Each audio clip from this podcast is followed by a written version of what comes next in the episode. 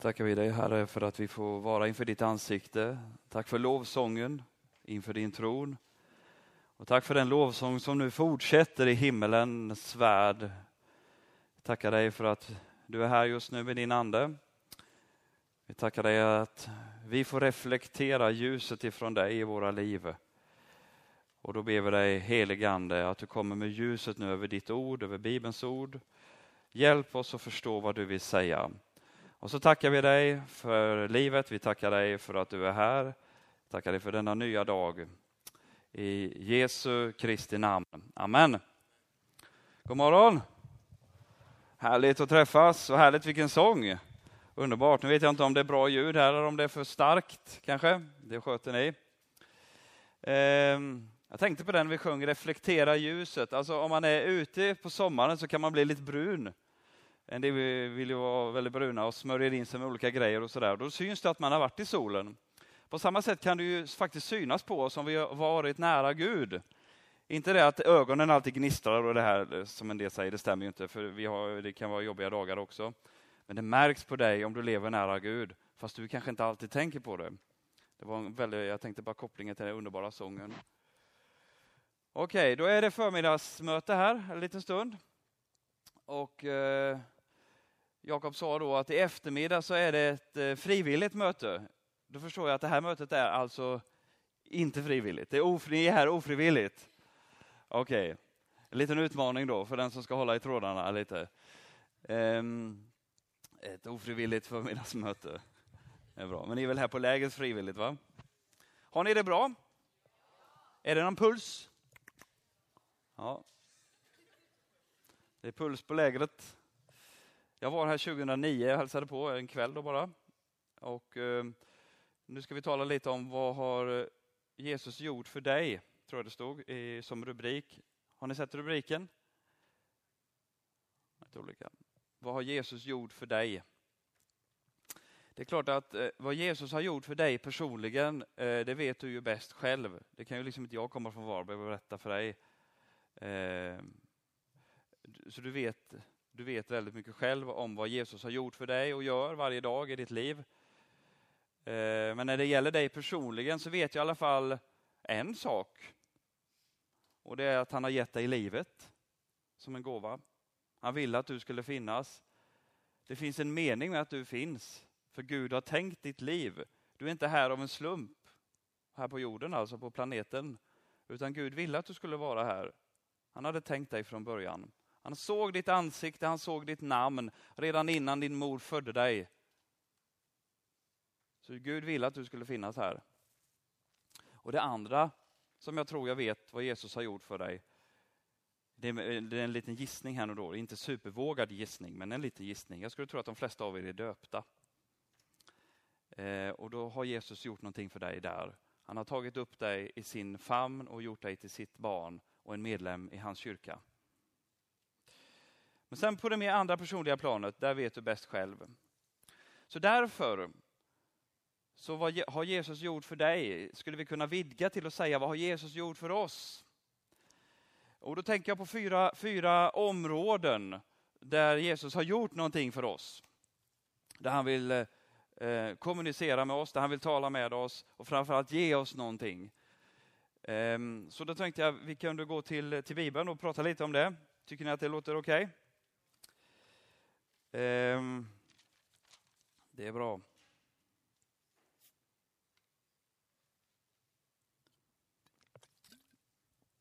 För det första då,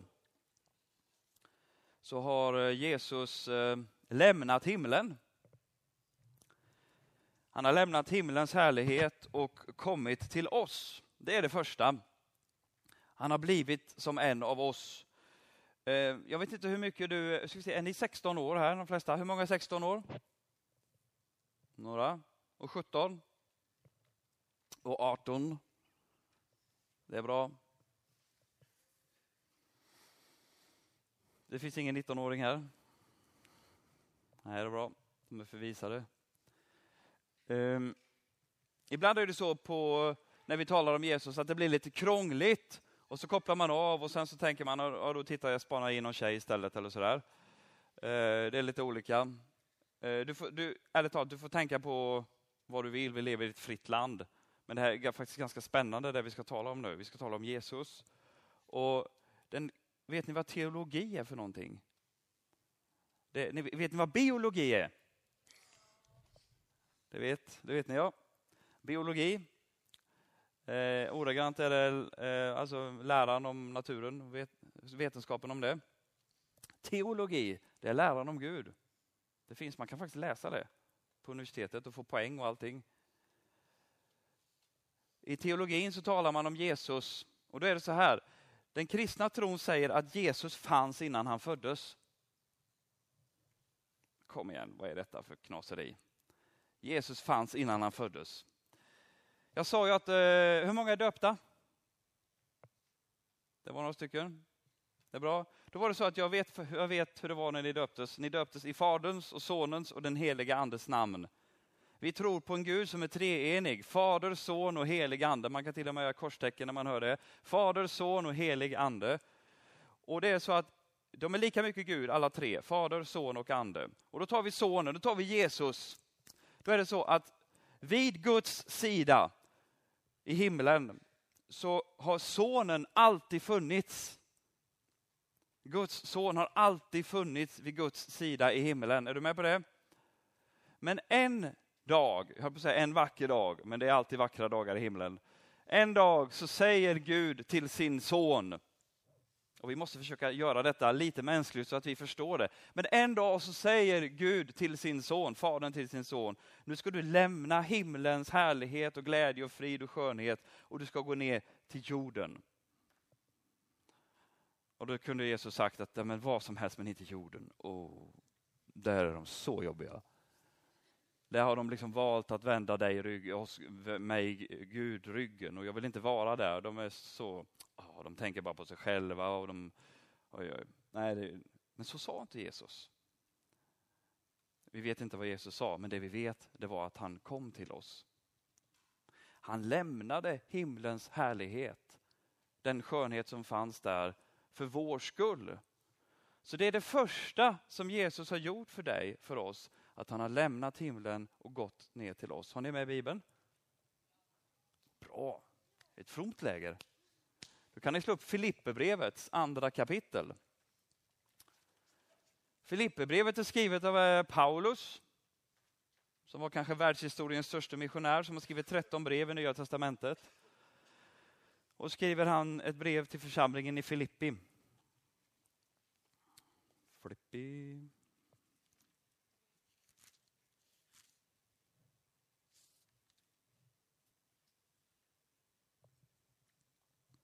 Filipperbrevet 2 och 5 börjar vi på.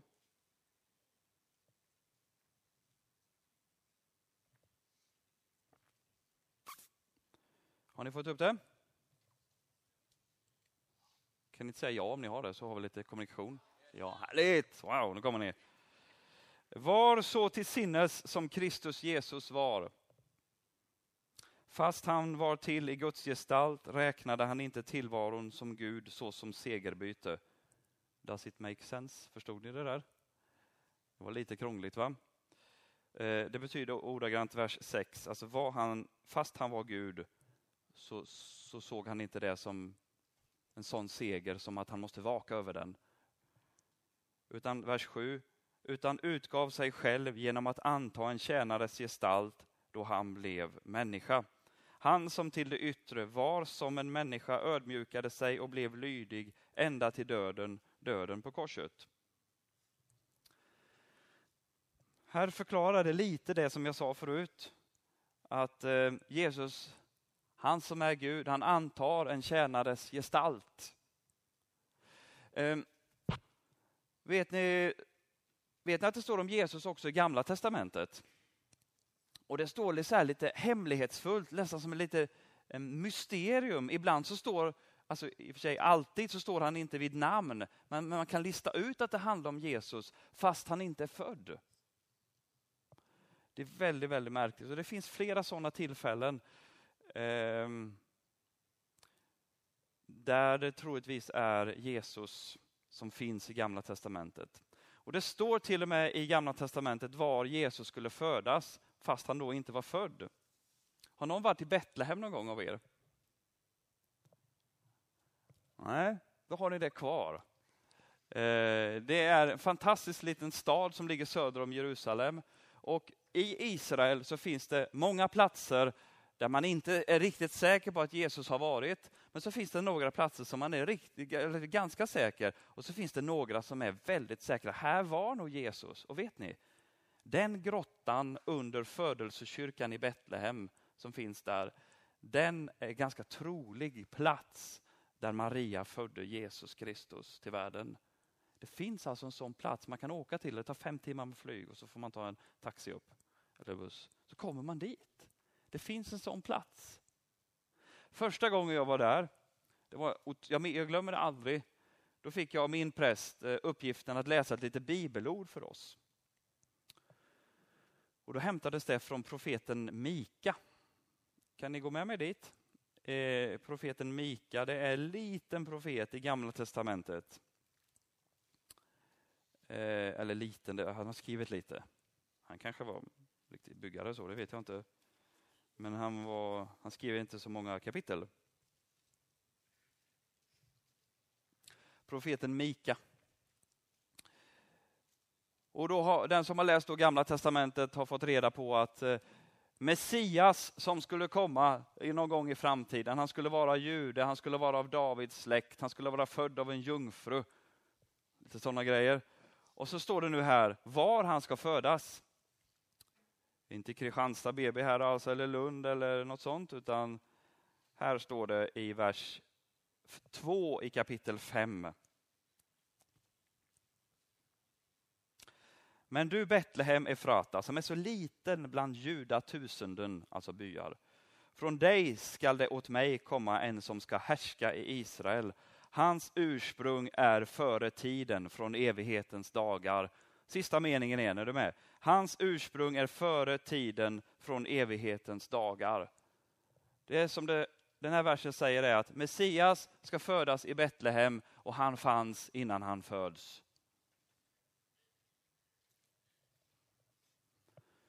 Så är det med Jesus. Men vad är det då som är skillnaden? Kom igen, varför firar vi jul då om han alltid har funnits och sådär? Då måste ju vara någon skillnad, eller hur? Är du med på den frågan?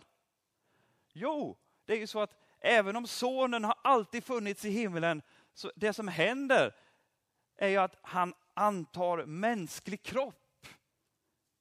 Att Gud själv får händer och fötter och kropp och hår och ögon och mun och näsa. Och han blir en bebis som hans mamma måste linda och byta på och amma och skydda.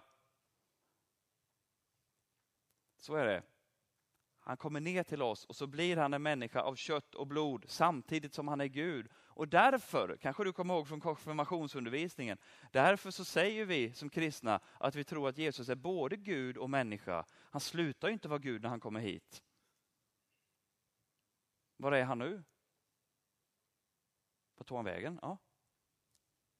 Han är i himlen, ja. Han är i himlen. Slutade han vara människa då och blev Gud igen när han, bara Gud igen när han for till himlen? Nej. Precis som Jesus inte slutade vara Gud när han kom till jorden så slutade han inte vara människa när han for upp till himlen. Så han sitter med sin mänskliga kropp idag i himlen på tronen på Faderns högra sida. Han finns alltså fysiskt någonstans och en dag så reser han sig, om han inte redan har rest sig från tronen, och så kommer han tillbaka och så ska vi se honom. Okej, det var det första Jesus har gjort för dig och mig och oss. Han har lämnat sin härlighet och blivit som en av oss. Vet ni vad det kallas i teologin när Jesus kommer till oss? Det är inte så snällt. Det kallas sonens förnedring. för att han kommer till oss. Men så är det. Om man jämför med himlen så kanske det kan vara så. Vi läser ett bibelord till om det. Johannes evangeliet 17.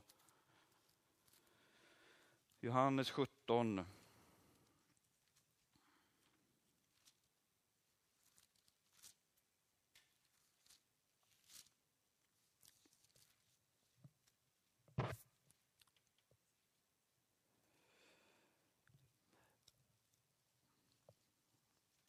Det är ju så här att av de fyra evangelierna, Matteus, Markus, Lukas och Johannes, så är Johannes evangeliet det som är lite mer annorlunda än de andra. Har du märkt det om du försökt läsa Bibeln någon gång? Att när man kommer till Johannes evangeliet då blir det det som vi ibland brukar säga lite djupare. Det man får läsa liksom flera gånger och försöka förstå vad betyder det. Eh, men det är också tanken med han som har skrivit det. Det skulle vara lite mer djupgående. Johannes som har skrivit Johannes evangeliet som vi nu ska läsa några rader ur. Han var en lärjunge till Jesus, han var till och med apostel. Ni vet Jesus valde ju tolv apostlar. Och han var den yngste av de tolv apostlarna. Han var också den enda av dem som enligt traditionen inte blev martyr. Han var den enda som inte dog martyrdöden för sin tro på Jesus. Då blev han tvärtom ganska gammal. Han bodde uppe i Efesos i nuvarande Turkiet. Och eh, han skrev flera saker i Nya Testamentet. Det här som vi ska läsa nu det är hämtat ifrån den sista kvällen för Jesus innan han dog på korset. Och då har han en måltid med sina lärjungar och det känner ni igen flera av er. Det var den måltiden när han instiftade nattvarden. Men det är inte bara det som hände då, utan de pratade väldigt mycket den kvällen med varandra. Och Det som händer efter ett tag under middagen, det är att Jesus förändras. Eh, de, de ser på honom och talar med honom och så märker de att han förändras. Vad då blir han en groda eller vad menar du? Nej, han förändras i sitt sinne. Han fylls av ångest. Dödsångest. Han vet vad som närmar sig och han börjar bli rädd. Han börjar bli rädd, livrädd och ångesten griper tag i honom. Och Det där märker ju lärjungarna och det, och det präglar hela rummet. För samtidigt som Jesus är i denna situation så talar han till lärjungarna och då står det till och med i Bibeln som rubrik avskedstalet. Det han säger till lärjungarna i den här situationen, det finns bevarat. Visst är det intressant? Det Jesus säger precis här, det finns bevarat. Och då finns det Johannes evangeliet kapitel 14, 15, 16, 17. Fyra kapitel där Jesus har avskedstalet. Och det sista av de kapitlen, kapitel 17, det är en enda lång bön där Jesus, som då är Guds son och människa, ber till Fadern för oss. Fast han är i den här situationen så ber han för oss. Det är den längsta sammanhängande bönen av Jesus som finns. Ska vi titta lite på den, Johannes 17, och då är det bara två verser där, apropå den första punkten. Vad Jesus har gjort för oss, att han har lämnat himlens härlighet. Då står det i kapitel 14, vers 4 och 5. Kapitel 17, vers 4 och 5. Har ni det? Jag har förhärligat dig på jorden genom att fullborda det verk som du har gett mig att utföra. Fader, förhärliga nu mig med den härlighet som jag hade hos dig innan världen var till. Vi tar vers 5 en gång till. Fader, förhärliga nu mig med den härlighet som jag hade hos dig innan världen var till. Här blir det då väldigt tydligt, eller hur? Att Jesus fanns till och med innan världen skapades och innan han föddes av Maria. Vi tar ett ord till i andra Korinthierbrevet på samma tema. Andra Korinthierbrevet kapitel 8 och vers 9.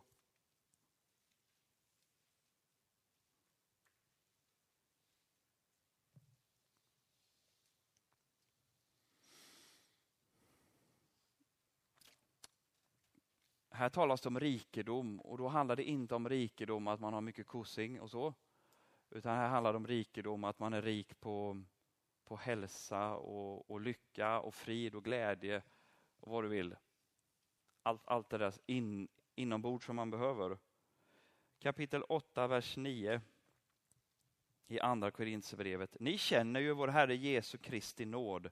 Han var rik men blev fattig för er skull för att ni genom hans fattigdom skulle bli rika. När var Jesus rik? Och när han var i himlen och så blev han fattig och kom till oss för att vi skulle bli rika. Bra, det var den första punkten. Jesus har lämnat himlens härlighet. Okej, okay. den andra punkten är... Förresten, jag måste säga en grej då. Har ni hört ordet gudsbild någon gång? Någon som har hört det ordet? Och så får, det är ganska vanligt att man kan få en fråga, vad har du för bild av Gud? Och så kan man skriva, ja, jag tycker han ser ut som ett, eh, en lönn, eller en eka, eller man kan beskriva olika saker. Det var inte meningen att raljera, man får tänka Gud hur man vill. Alltså, vi lever fortfarande i ett fritt land. Men vet ni, den bästa gudsbilden, och det är faktiskt den enda bilden som vi har av Gud på riktigt, det är Jesus. Så när du, får, när du hör ordet gudsbild, hur ska man tänka på Gud? Så tänk på Jesus, för det är sådan Gud är. Man behöver inte tänka, liksom, försöka klura ut hur, sjuttsingen ska tänka på Gud. Tänk på Jesus. Jesus säger till och med, den som har sett mig har sett Fadern. Så då, det där, om du undrar hur Gud är, tänk på Jesus. Så är Gud. Amen. Då går vi till punkt två. Vad har Jesus gjort för dig och för mig och för oss? Jo, han har visat oss hur det var tänkt att vi skulle leva. Han har visat oss den rätta vägen. Han har visat oss den smala vägen. Ni vet, det finns bred väg, det finns smal väg. Vi ska gå på den smala vägen. Halleluja, visst är det underbart att få höra detta. Att få välja bort den breda vägen som är så skön. Jag åkte mycket motorväg hit. Jag älskar att köra motorväg för det går så snabbt. Man kan köra om alla slöa fransmän och de snabba tyskarna kör om en och sådär.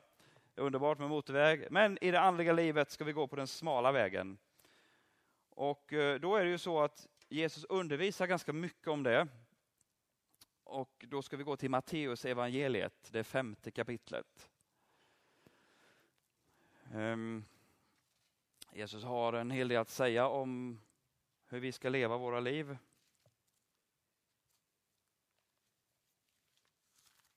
Har ni tänkt på det?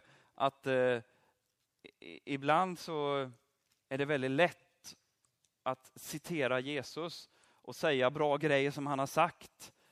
Eh, du ska älska din nästa som dig själv. Och vi har plockat fram många sådana här bra ord från Jesus. Men helt plötsligt när Jesus säger grejer så, upp, det där kanske vi inte ska citera. Det där ska vi, ska vi verkligen ta med det?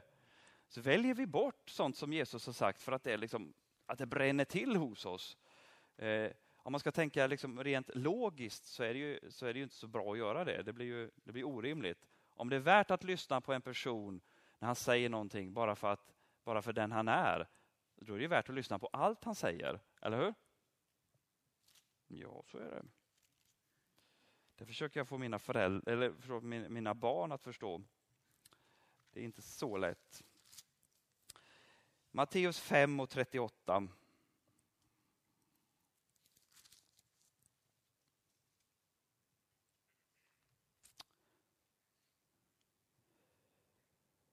Ni har hört att det är sagt, öga för öga och tand för tand. Paus. Har ni hört det någon gång? Jag ska bara säga att det där är en grej som ofta används då om, om judarna, att de eh, tycker om att hämnas och sådana saker. Det är helt fel. Det är inte alls det som texten betyder. Det, eh, det där ordet betyder gottgörelse. Eh, om jag har snott din mobil så får inte du köra över mig med din traktor. Utan då ska jag ge tillbaka din mobil till dig. Eller har jag, skadat, har jag förstört den ska jag köpa en ny till dig. Öga för öga, mobil för mobil. Är ni med? Det är vad det betyder, gottgörelse, inte hämnd. Vers 39. Jag säger er, stå inte emot den som är ond, utan om någon slår dig på den högra kinden, så vänd också den andra åt honom. Vänd den andra kinden till. Har du hört den då? Mm. Vad betyder det? Ja, alltså vi kan tolka det här på lite olika sätt. Alltså det, det, vi måste fundera som kristna och be tillsammans över, över vad det betyder. Jag är inte så säker på att detta betyder att man inte har rätt till självförsvar. Alltså om någon kommer in i ditt hem och eh, vill skada dig och din familj så vill Jesus att du ska sitta med armarna i kors och titta. Jag tror faktiskt inte det. Titta lite noga på texten. om någon slår dig på den högra kinden, varför säger Jesus just höger, eller varför överhuvudtaget höger eller vänster? Varför säger han inte bara om någon klipper till dig? Om någon slår dig på käften? Varför säger Jesus om någon slår dig på den högra kinden? De flesta av oss är högerhänta över hela världen. Av någon anledning är det så. Ja. Ja. Okej. Okay. Då är jag utan mutation då, för jag är högerhänt. Men om du tänker dig att du har höger hand och så ska du, så ska du la, lappa till någon. Var träffar du? Vänster, eller hur? Om, man, om det är vanligt, om du ska få en riktigt knytnävsslag av någon, eh, nu uppmuntrar jag inte till detta då, utan detta är ett exempel som Jesus ger. Om man, ska, om man slår någon då, eller blir slagen, de flesta är högerhänta, då får man slaget på vänster kind. Nu säger Jesus, om någon slår dig på din högra kind, hur ska man göra för att liksom komma åt höger kind? Och då får det bli det här. Den lite så. Är det, är det det Jesus menar, om någon slår dig lite lätt? Så det är halvhårt? Nej, vet ni vad jag tror det handlar om? Det här handlar om den här smädelsen. De här orden som är eh, så försmädliga, som är retiga, som är kanske mobbing, hå, alltså hån, hånet, eh, kanske för att du är en kristen eller, eller vad det nu kan vara, något annat. Att man sla, slatchar till lite. Sådana där onödiga ord som en del kan säga till oss. Jag tror Jesus menar att när de där kommer, strunta i det istället, det är det bästa. Det, det kan rinna av dig. Låt det få rinna av dig. Förstår ni vad jag menar? Vänd då den andra kinden till i sådana fall. Sådana där ord. Bibeln säger också, reta inte upp dig, det leder bara till ont. Och jag säger inte att det absolut måste vara så, men det är, jag tycker det är en ganska rimlig tolkning när nu Jesus använder höger och vänster kind i detta sammanhang. Och så fortsätter han undervisningen om hur vi ska leva, vers 40. Om någon vill ställa dig inför rätta och ta din livklädnad, så låt honom få din mantel också. Om någon tvingar dig att gå en mil, gå två mil med honom. Ge åt den som ber dig och vänd dig inte bort från den som vill låna av dig. Ni har hört att det är sagt, du ska älska din nästa och hata din ovän. Men jag säger er, älska era ovänner och be för dem som förföljer er. Ja, var det lätt kanske? Vet ni vad? Nu ska ni få titta på vers 40, 41, 42, 43, 44. Och framförallt vers 44.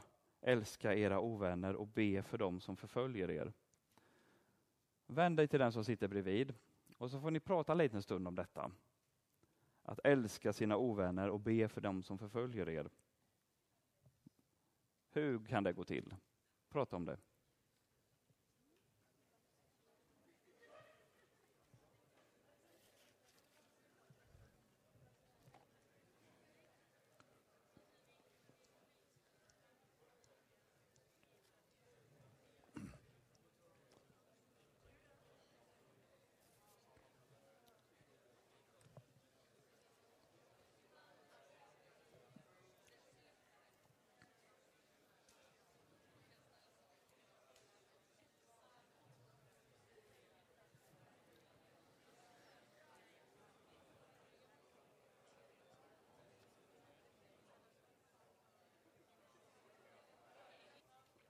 Älskar ni era ovänner nu?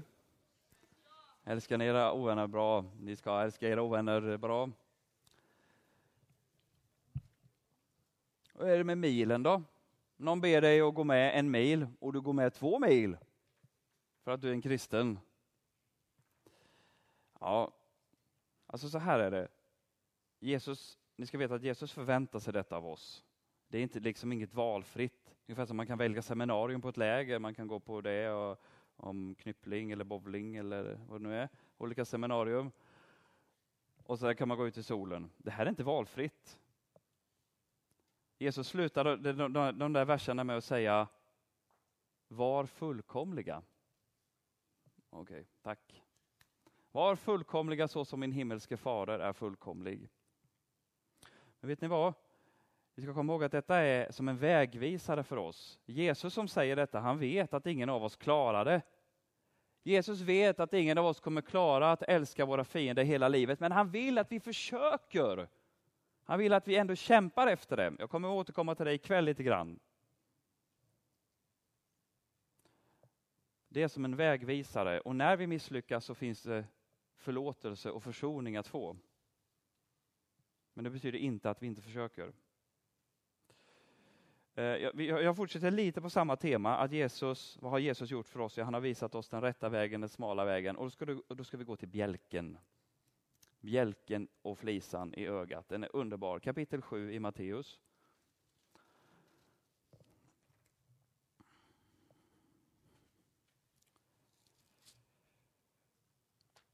Då står det så här i kapitel 7, första versen och vidare. Döm inte så blir ni inte dömda. Paus betyder inte, om du tänker bli jurist, så betyder det att du kan bli jurist och domare. Det betyder alltså inte det, utan det handlar om hur, hur vi dömer varandra andligen eller socialt. Ty med den dom som ni dömer med ska ni bli dömda, men och med det mått ni mäter med ska det mätas upp åt er.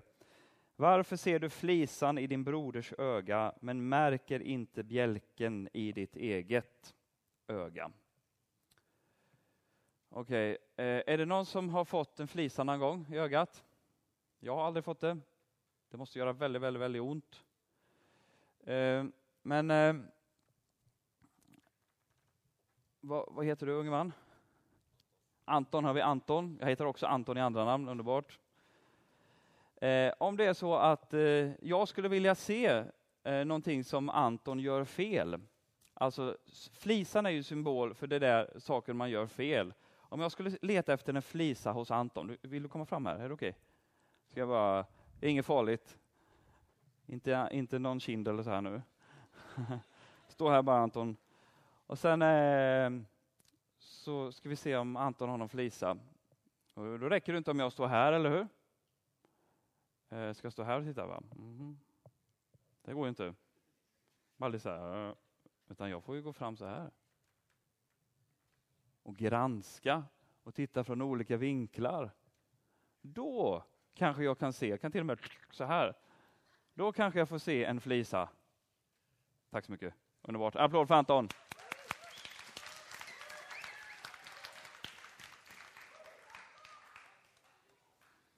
Jesus säger, varför märker du flisan i din broders öga? Alltså hur i all världen får du reda på att han har en flisa? Jo, du granskar. Du har en inställning där du letar fel hos någon annan och andra.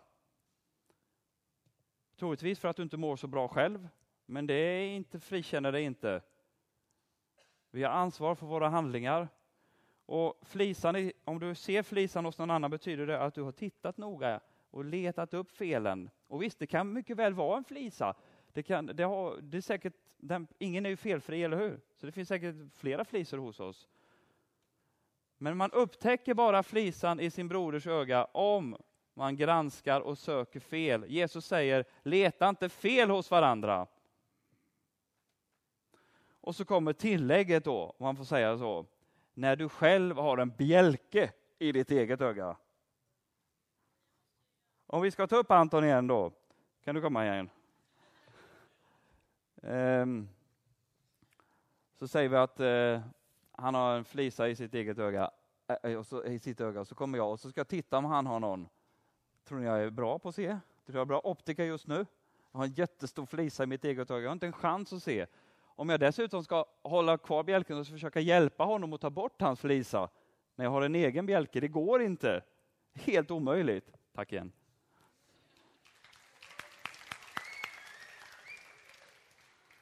Jesu, Jesu liknelse är helt fenomenal. Vi har själva synd allihop, vi gör själva det som är fel.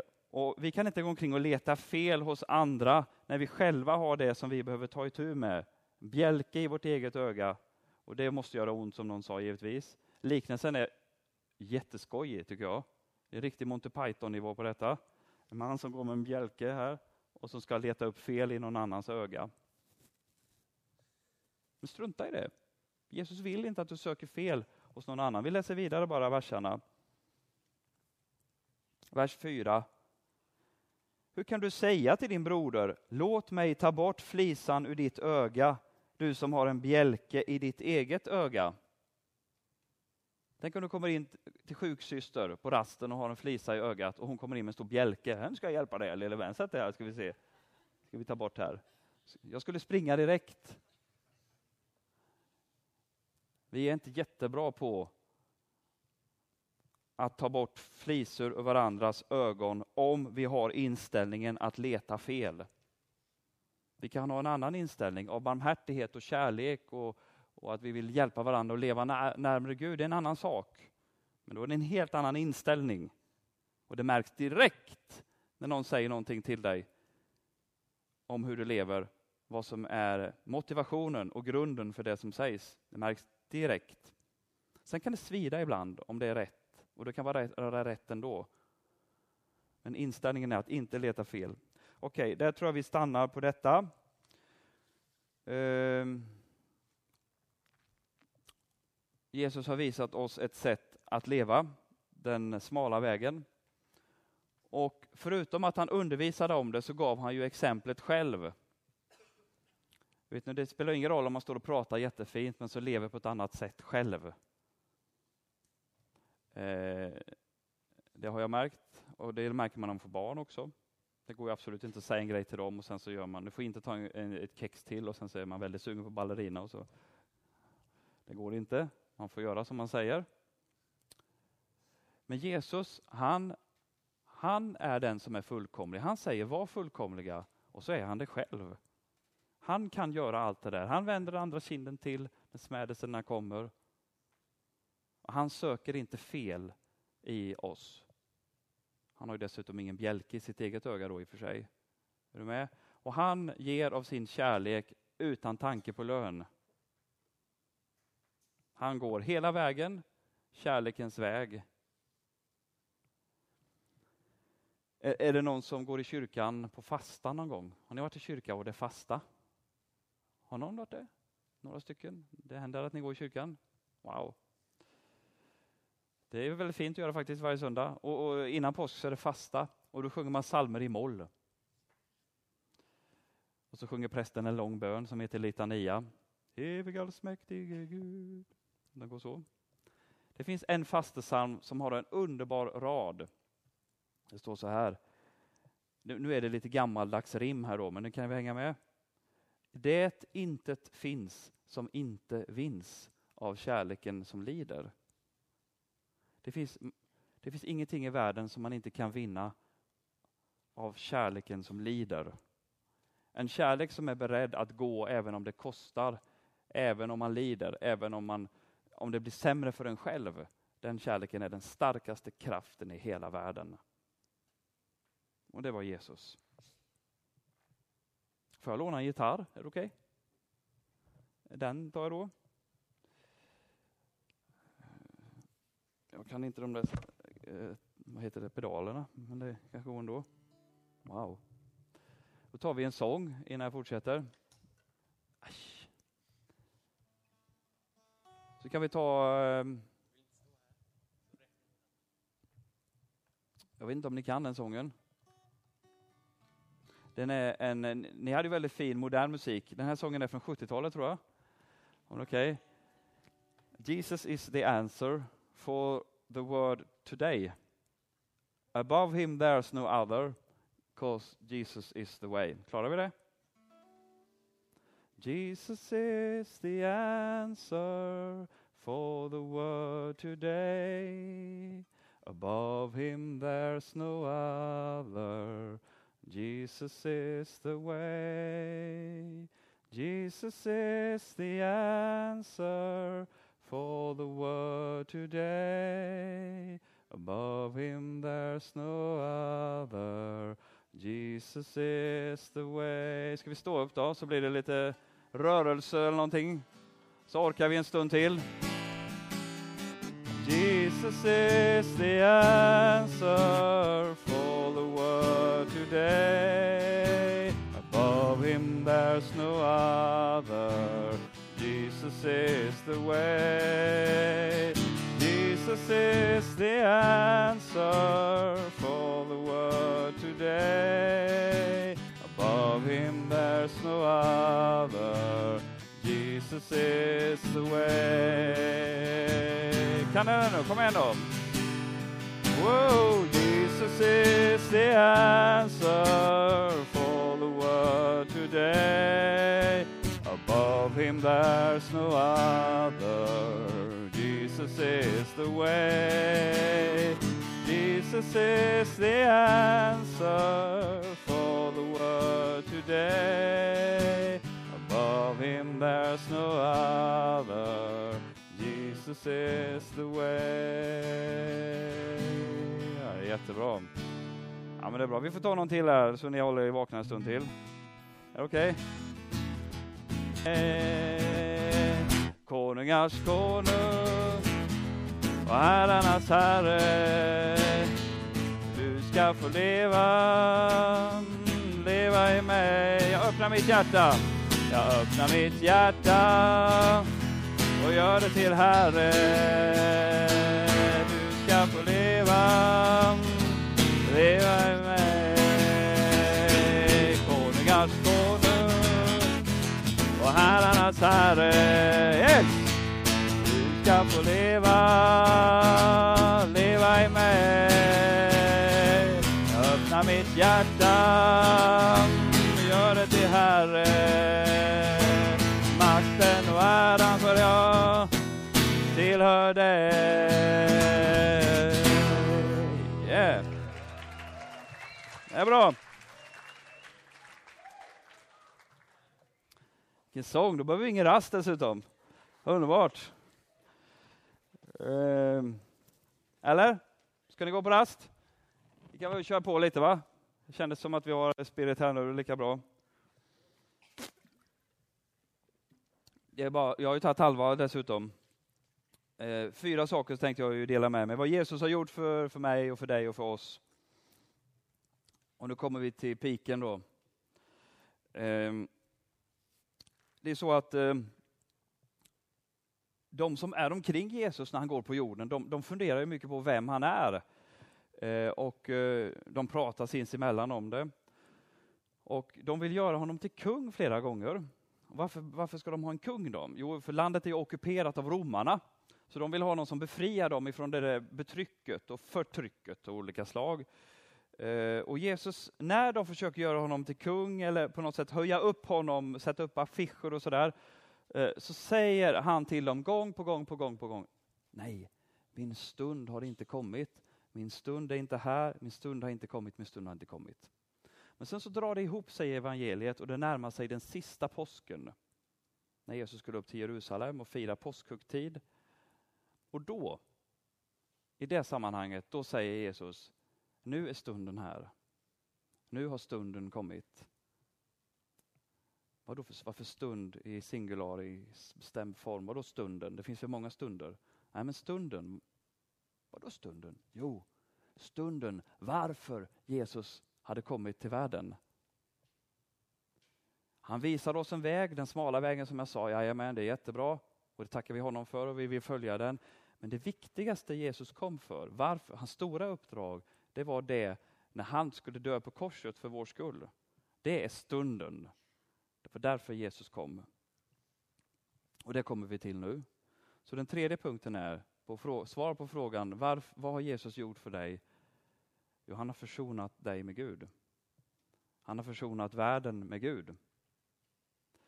Ehm, och Det finns ett problem när vi talar om detta. Och det, det är egentligen ett lite märkligt problem. Det som är kristendomens kärna, det, för det är detta, eh, det som är det viktigaste av allting, om man ska skala bort löken och komma till kärnan, vad är, vad är, vad är fokus, the main point, vad, vad är det det handlar om?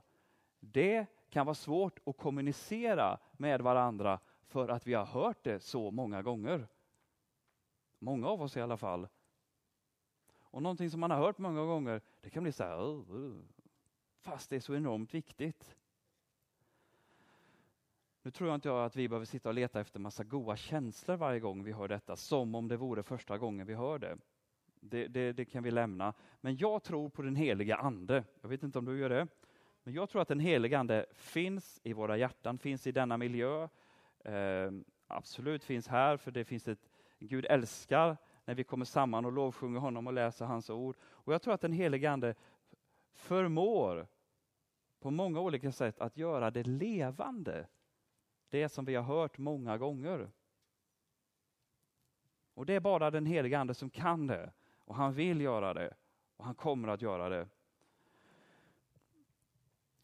Och under punkten Jesus försonade världen med Gud så ska jag ta med er till Jerusalems tempel bildligen. Um, om, in, om, ingen av er har varit i Betlehem så kanske ingen har varit i Jerusalem heller då. Det är ganska vanligt nämligen att man åker till båda. Eh, Idag om man ser bilder på Jerusalem så ser man, kan man se en, en lång, lång eh, beige mur. Och ovanför den här muren så finns en moské som är i blå mosaik och ovanför den så är det guldkupol. Har ni sett en bild på den någon gång? Finns ibland längst bak i biblarna. Det är en moské alltså. Men där den där moskén står, eller egentligen är det ingen moské, det är en dom, det spelar ingen roll. Eh, där restes Jerusalems tempel på Jesu tid. Och Jerusalems tempel och den, den platån, den täckte en sjättedel av hela huvudstaden. Det är ganska mycket, eller hur? Går du till kung Davids tid så var det en tredjedel av ytan, men då var också stan mycket mindre. Men nu är det en sjättedel och det templet det var platsen för Guds närvaro. Och för att vi ska förstå det här så måste vi tänka bort det som vi lever i. Lovsångsteamet här leder oss i sång och eh, då, är, då är, tänker vi så här att, att när vi lovsjunger så kommer Gud närvarande här med sin ande. Och inte bara i största allmänhet, utan han kommer in i våra hjärtan och finns och bor. Han bor redan där och det blir ett liv. Gud finns hos alla som längtar efter honom. Våra kroppar är ett tempel för den helige Ande, står det i Bibeln. Titta på din arm eller på din ben. Din kropp är ett tempel för Gud, för Guds ande. Så var det inte riktigt på Gamla testamentets tid, utan då var Guds närvaro koncentrerad till templet. Centrum för jud judarna är Israel, centrum i Israel är Jerusalem, centrum i Jerusalem är templet, centrum i templet är det heliga, centrum i det heliga är det allra heligaste. Och det är längst fram, eh, och där hänger det för en stor gardin, eh, en tjock, tjock gardin som hänger omlott så här. Och i Bibeln så kallas den för förlåten. Och Det är så skönt när någon som läser det första gången läser lite fel betoning. För då läser man, ofta konfirmander då, att, och, och han gick innanför förlåten. Men det heter förlåten, men när man säger förlåten så är det jättebra, för det, för det här är vad det handlar om. Förlåten. Kan ni tänka er en jättetjock gardin, inte som mormor har hemma, utan en riktigt tjock, som hänger om blott så. Och innanför där så var Guds helighet, närvaro koncentrerad. Dit fick ingen gå in, förutom en person en gång per år. Och Det var högsta hönset i templet. Han hade titeln överste präst. En dag per år så firar man den stora försoningsdagen och då, då slaktar man eh, en, en bock och så tar man blodet från den och så går man in med den då i det allra heligaste. Och Sen går han in innanför gardinen här och sen så går han in då så ingen ser honom. Men så tar han blodet och så skvätter han det på den här platsen som är försoningsplatsen för Gud och människa. Är ni med? Det är väldigt, väldigt heligt och där försonas hela Guds folk med Gud för att han skvätte blodet. Och Det var så heligt att ingen fick gå in där och en gång så berättade de judiska skrifterna så var det en överstepräst som var där inne och han fick hjärtinfarkt och dog. Aj då, hur gör vi då? Nej, det är inget att göra. Han fick vänta ett år. Så när hans efterträdare fick gå in och kanske göra i ordning lite. Och sen den dagen så hade översteprästen ett rep om foten när han skulle gå in i det allra heligaste. För säkerhets skull. Ja, vi tycker det där är jättesjukt och konstigt, men det var det inte för dem. Gud hade sagt i sitt ord, du kan läsa om det i din bibel. Inte just det med repet, och, men, men alltså att, att det är så heligt. Okej, det som händer då är, den dagen Jesus dör på korset, det är ingen vanlig, eh, vanlig dag, en grå tisdag eller så, utan det är den största högtiden, det är påsken och Jerusalem är knökafullt av folk. Och jag läste igår, tror jag, eh, det, det, var omkring eh, 220 000 lamm som sprang omkring och bräkte i Jerusalem, för de skulle slaktas till påsken. Och eh, enormt mycket människor. Och på tempelplatsen så kunde man titta upp mot det heliga, men man kunde inte se där Guds närvaro var, för där hängde den stora gardinen.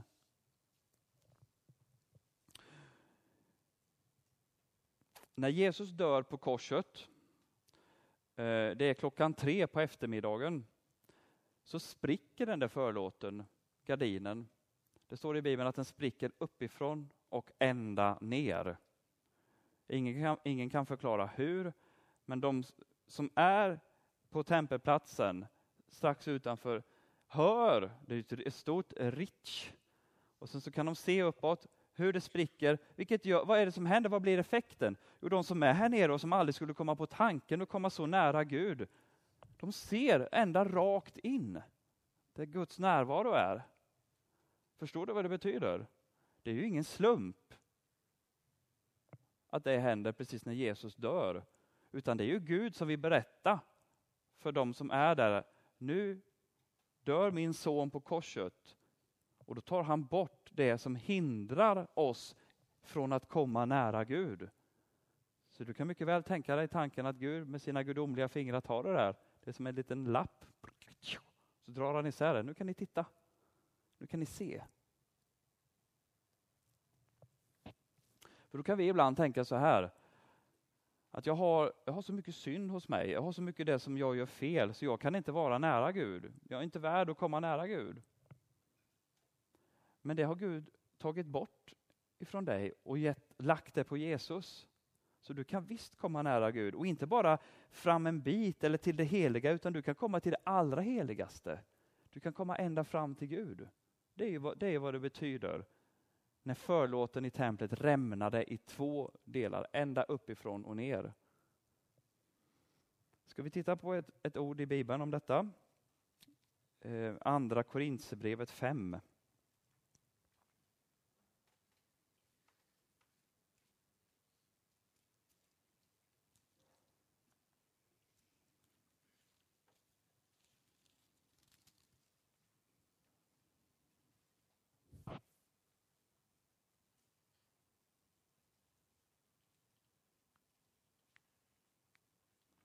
Och då tittar vi på kapitel 9.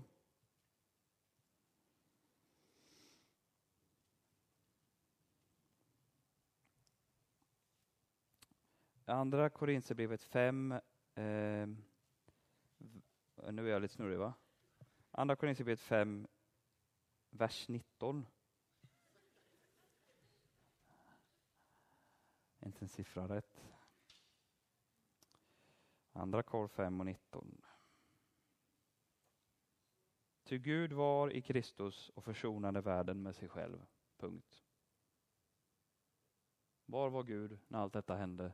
Gud var i Kristus, eftersom Kristus är Gud. Gud var i Kristus och försonade världen med sig själv. Har du hört någon gång uttrycket ”jag har blivit frälst”? Det är ett underbart uttryck. Um, och då kan man ju diskutera, det kan vi kristna tänka lite olika då, eller tycka eller prata lite, på, ha lite olika språk helt enkelt. Jag blev frälst den 17 maj 1973 eller något sånt där kan man säga. Eh, men vet ni vad, i grunden, om du är frälst, och det är du ju, så skedde det när Jesus dog på korset. Där skedde frälsningen. Där försonades du och Gud. Men samtidigt så säger ju Bibeln att vi ska ta emot det. Och det är när vi tar emot det som vi själva blir frälsta. Alltså som det rör oss. Det handlar om både det objektiva och det subjektiva. Men det, det, men det kan ändå finnas ett problem om vi väldigt flitigt använder jag blev frälst, jag blev frälst då, då, då, då, då. För du, i grunden så är du frälst när Jesus dog på korset. Men samtidigt spelar det ingen roll för dig om inte du tar emot det. Både objektivt och subjektivt. Hoppas inte detta är för krångligt nu. Men det är jätteviktigt. Ehm, jag, jag tänkte, är ni vakna eller? Ja, underbart. Jag tänkte vi kunde titta bara på ett par versar eh, av en av profetiorna om när Jesus skulle dö på korset. Alltså förutsägelserna, och då tar vi den allra mest kända, den som läses varenda långfredag i varenda kyrka i hela Sverige. Och då är det profeten Jesaja som skriver om Herrens lidande tjänare. Och det är Jesajas bok kapitel 53. Jag ska bara kolla på ett par korta grejer där.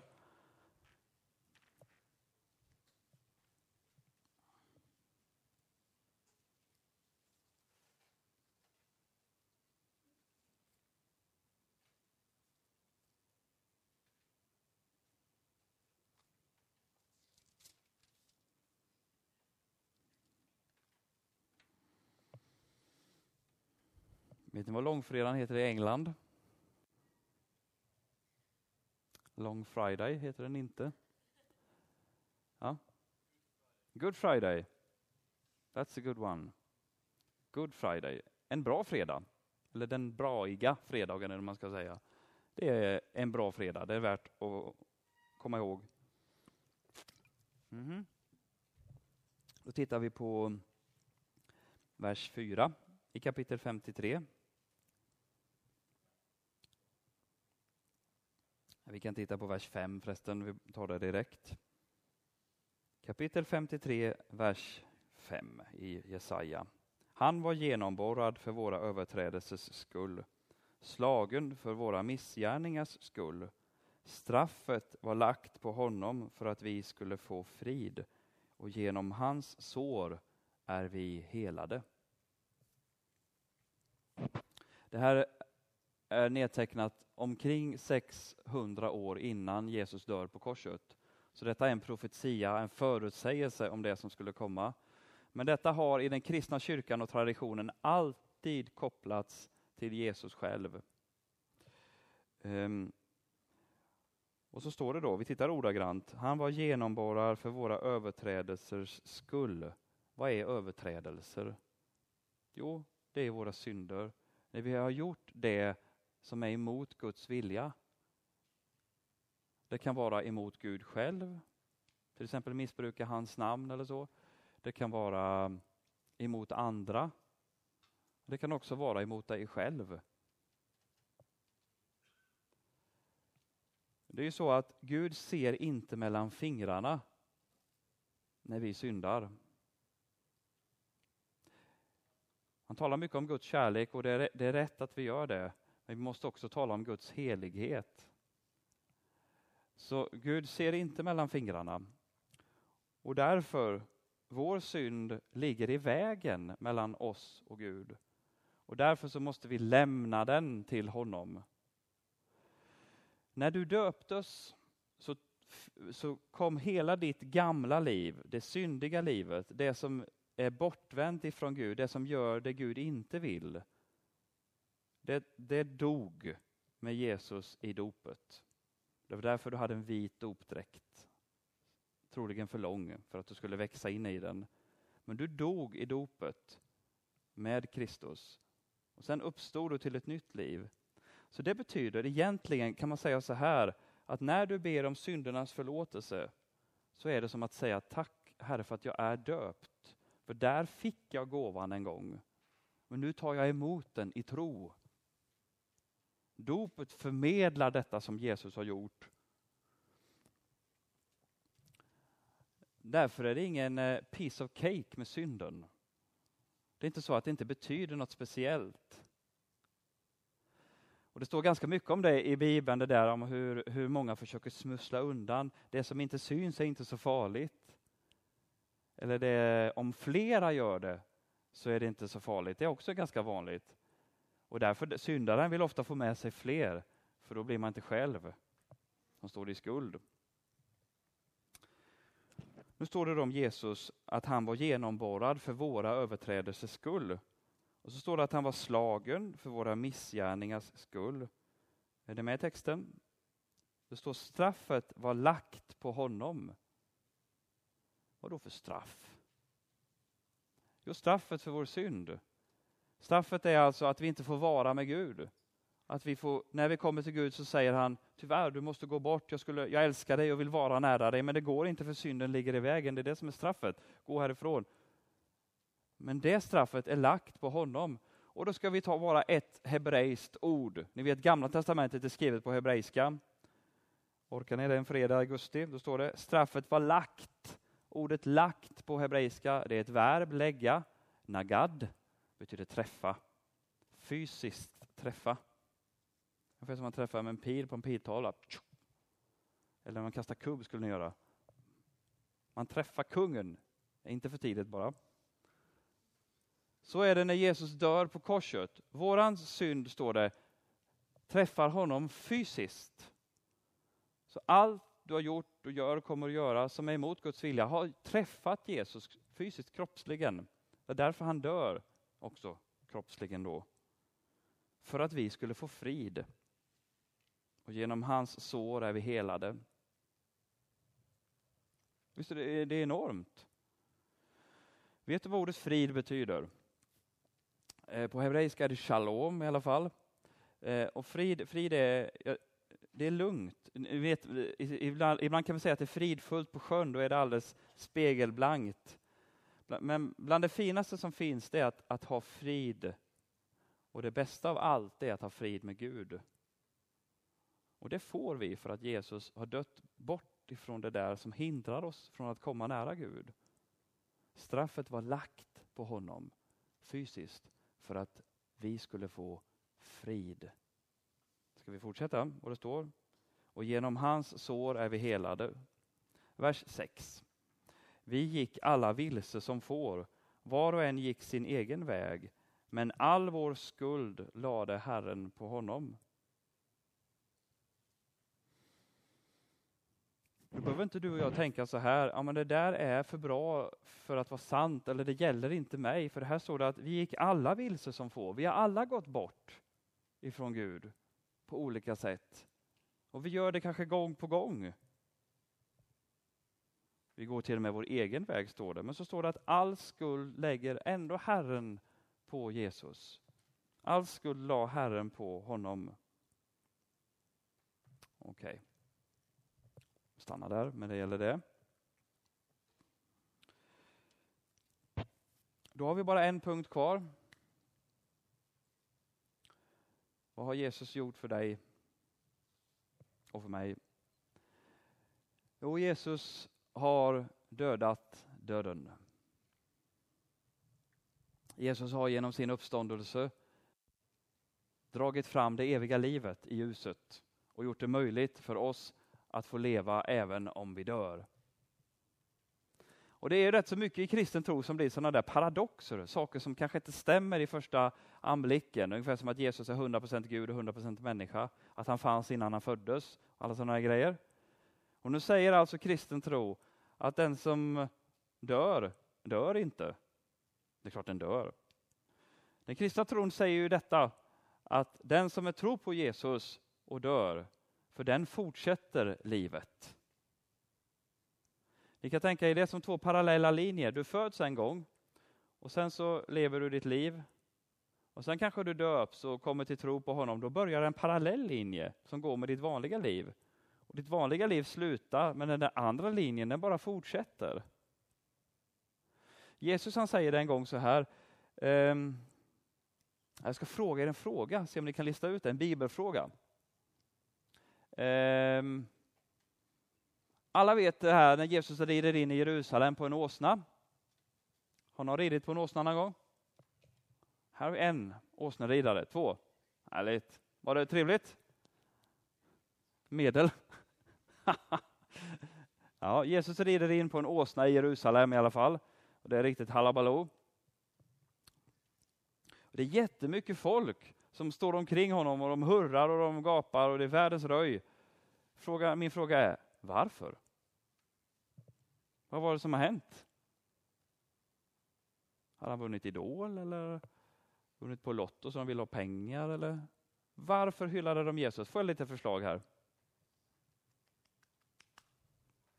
Du, du, du, kan ni det? Ja. Det är rätt. Det var en profetia som sa att han skulle rida in i Jerusalem och att folket skulle hylla honom. Så Jesus mycket medvetet låter hämta en åsna eh, för att han ska uppfylla profetian. Han vet att det står i Sakarja 9 att han ska rida på en åsna, så han är åsna, så han sätter sig på åsnan och så vet han att han uppfyller profetian. Det är helt rätt. Men det visste ju inte de omkring, inte alla i alla fall. Så varför kommer de och hyllar honom? Han var snäll, ja, de tyckte nog väldigt mycket om honom. Det tror jag är ett jättebra förslag. Ja.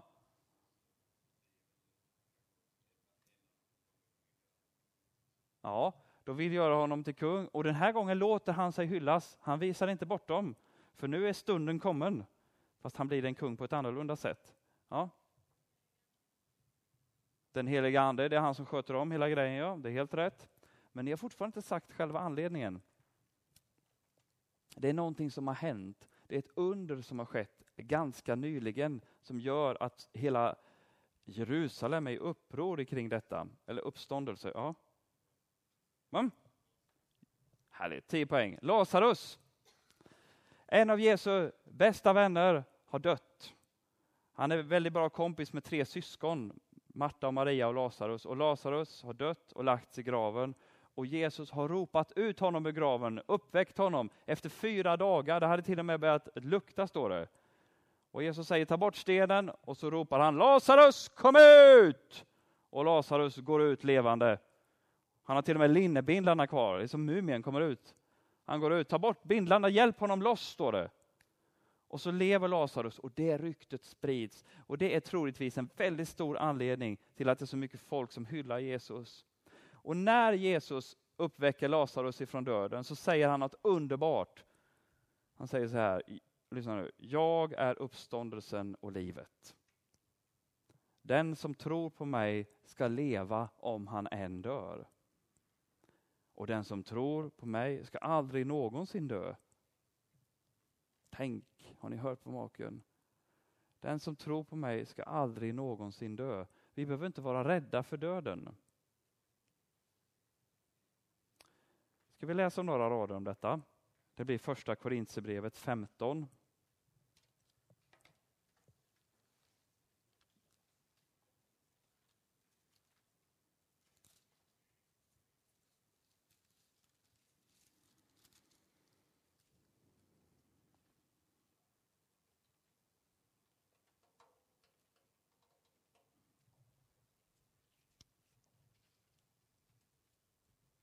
Jag har inte berättat detaljen då om själva händelsen att han uppstod ifrån de döda, men det tror jag ni visste. Eh, Jesus dog på korset, han uppväcktes på tredje dagen. Eh, graven är tom. Ja, det finns två alternativ i Jerusalem, vilken som är Kristi grav. Jag har varit i båda, båda är tomma. Eh, I en av dem så står det en skylt på engelska, för det är några eh, brittiska kristna som an, ansvarar för den. He is not here, he is risen, står det. Och så går man in där så är det alldeles tom grav. Som en klipp, ett, ett hål och så är det en klippa framför en stor sten som man rullar för. Och Det finns mycket, mycket som gör det väldigt, väldigt trovärdigt rent logiskt att Jesus verkligen är uppstånden. Men det, men det kan man ta en annan gång, seminarium om det. Men nu läser vi om eh, vad det betydde. Kapitel 15, vers 12. Och det här är en sån här text som är lite lurig. Eh, Paulus han, eh, han använder mycket bisatser fram och tillbaka som eh, gör det kan vara lite lurigt att hänga med. Så är du, är du intresserad av att förstå detta, häng med från starten. Eh, och inte som när vi kollar på film hemma, jag och min fru, då ska hon alltid prata. Speciellt i början, hon ska fixa till det här fikat, så hon missar liksom fem, tio minuter, då får jag sitta och återberätta inledningen. Så jag säger, titta från början nu så, vi kan, så man hänger med. Det är väldigt frustrerande. Ehm, om det nu predikas, alltså nu startar jag. Om det nu predikas att Kristus har uppstått från de döda, hur kan då några bland er påstå att det inte finns någon uppståndelse från de döda? Om det inte finns någon uppståndelse från de döda har inte heller Kristus uppstått. paus. Redan här kopplar Paulus Kristi uppståndelse till vår uppståndelse. De hänger ihop de två grejerna. Vers 14. Men om inte Kristus har uppstått, då är vår predikan meningslös och er tro meningslös. Så är det vänner. Om inte Jesus har lämnat sin grav tom och gått, fysiskt blivit uppväckt och gått ut ur graven, då är det jag har gjort här de senaste minuterna helt värdelöst. Det är bortkastad tid. Det är mycket bättre att gå ut och, och bovla eller någonting. Gå ut ur det här och göra något vettigt av livet. Då är det meningslöst, säger Paulus. Hopp. Uppmuntran. Vers 15. Då står vi där som falska vittnen om Gud, eftersom vi har vittnat om Gud, att han uppväckte Kristus, som han inte har uppväckt, om det verkligen är så att döda inte uppstår. Ty om de döda inte uppstår, har inte heller Kristus uppstått. Men om Kristus inte har uppstått, då är er tro meningslös och ni är ännu kvar i era synder. Då har också de som har insomnat i Kristus gått förlorade. Om vi i detta livet sätter vårt hopp endast till Kristus och han inte har uppstått, då är vi de mest beklagansvärda av alla människor. Losers, skulle man kunna säga idag. Men nu har Kristus uppstått från de döda som förstligen av de insomnade. Stannar vi där. Och så fortsätter Paulus. Eh, allt bara vänds på ända eftersom nu Jesus har uppstått. Det är väldigt svårt för de som är kritiska till vår tro att förklara vad är det som gör att de här få, mycket, mycket, mycket få troende på Jesus Eh, förvandlas från att ha varit eh, rädda, eh, förföljda, till att frimodigt predika om att Jesus har uppstått och dö för sin tro på detta, allihop då utan Johannes och att kristendomen sprids och erövrar den tidens största rike, det romerska riket. Kejsaren blir kristen 300 år senare och att det idag finns två 2,2 eller 2,3 miljarder människor som är döpta i en kristen kyrka över hela världen. Det är väldigt svårt att förklara den förvandlingen om inte Jesus har uppstått på riktigt och lämnat graven tom. Väldigt svårt. Det troliga är att han har gjort det eh, ur vetenskaplig synvinkel. Då. Alltså rent logiskt. Eh, vi vet ju att han har gjort det, vi som är kristna. Det sägs att Gud är död, sa någon. Det vet jag inte, sa den andra. Jag pratade med honom i morse, han var inte ens sjuk. Han lever. Och kanske, ibland är det väldigt svårt, det säger väl alla som predikar, att det, om man ska komma ihåg det viktigaste så kom ihåg det här.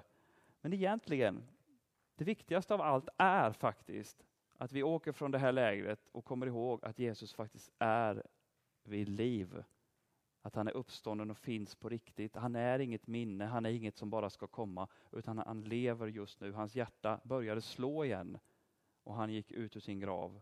Hans kropp var kall, men den blev varm. Är du med? Och det är precis det som ska hända med dig och med mig.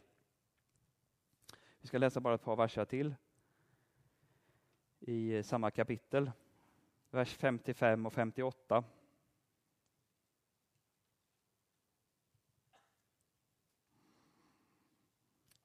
Paulus har pratat om uppståndelsen hela kapitlet här och då slutar han med att säga så här. Han pratar med döden här då. Du död, var är din seger? Du död, var är din udd?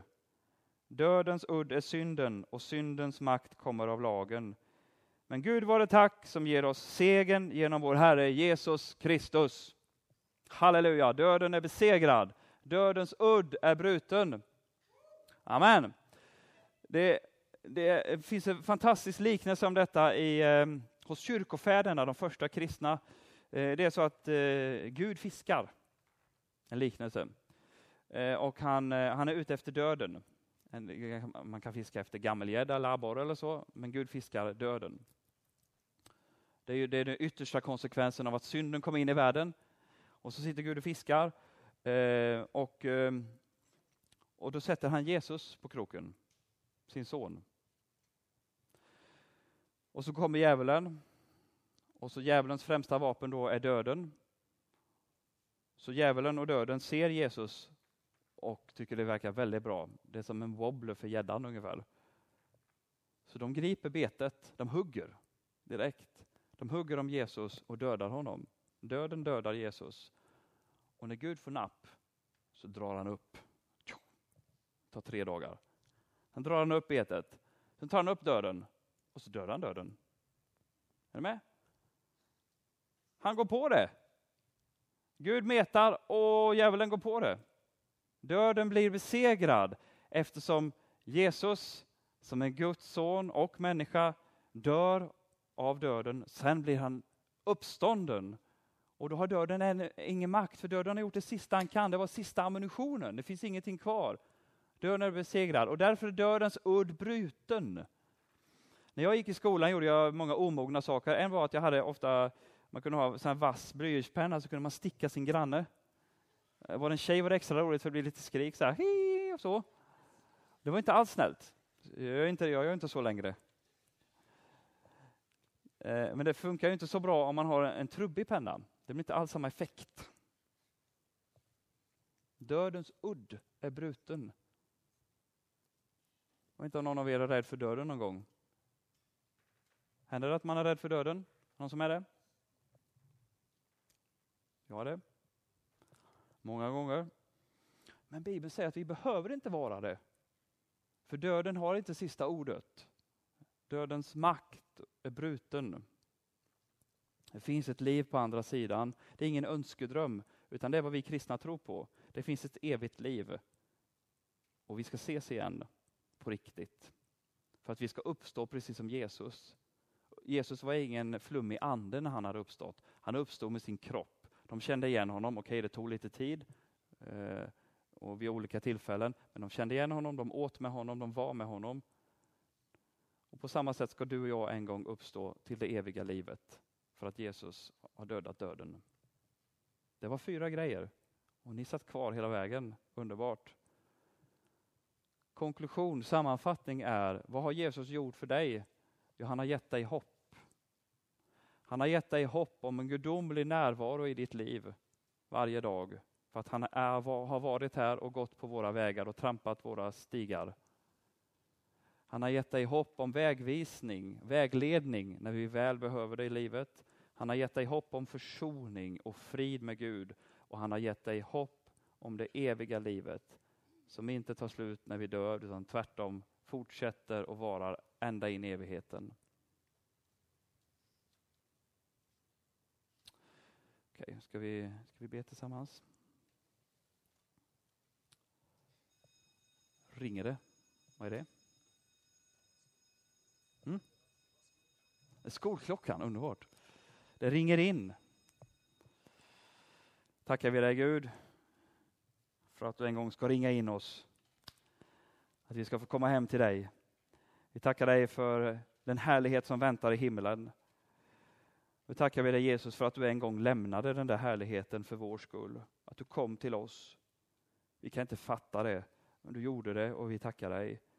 Och tack för att vi får lära känna dig bättre och bättre dag för dag. Nu tackar vi dig för försoning och för vägledning och, och för hoppet om det eviga livet. Hjälp oss så att inte vi behöver vara rädda, utan vi kan lugnt och tryggt lägga oss i dina händer. Tack för att du kommer till var och en av oss och är med oss hela den här dagen. Faktiskt oavsett hur vi känner oss just nu så finns du här, varje, varje hjärta, varje, nära varje människa. Fyll på nu Herre med din, med din kraft och hjälp oss att hålla fast vid dig. Tack älskade Jesus. Tack käre Jesus för att ditt ord är sant. Att det är som berggrund att stå på. Aldrig sviker. Aldrig någonsin.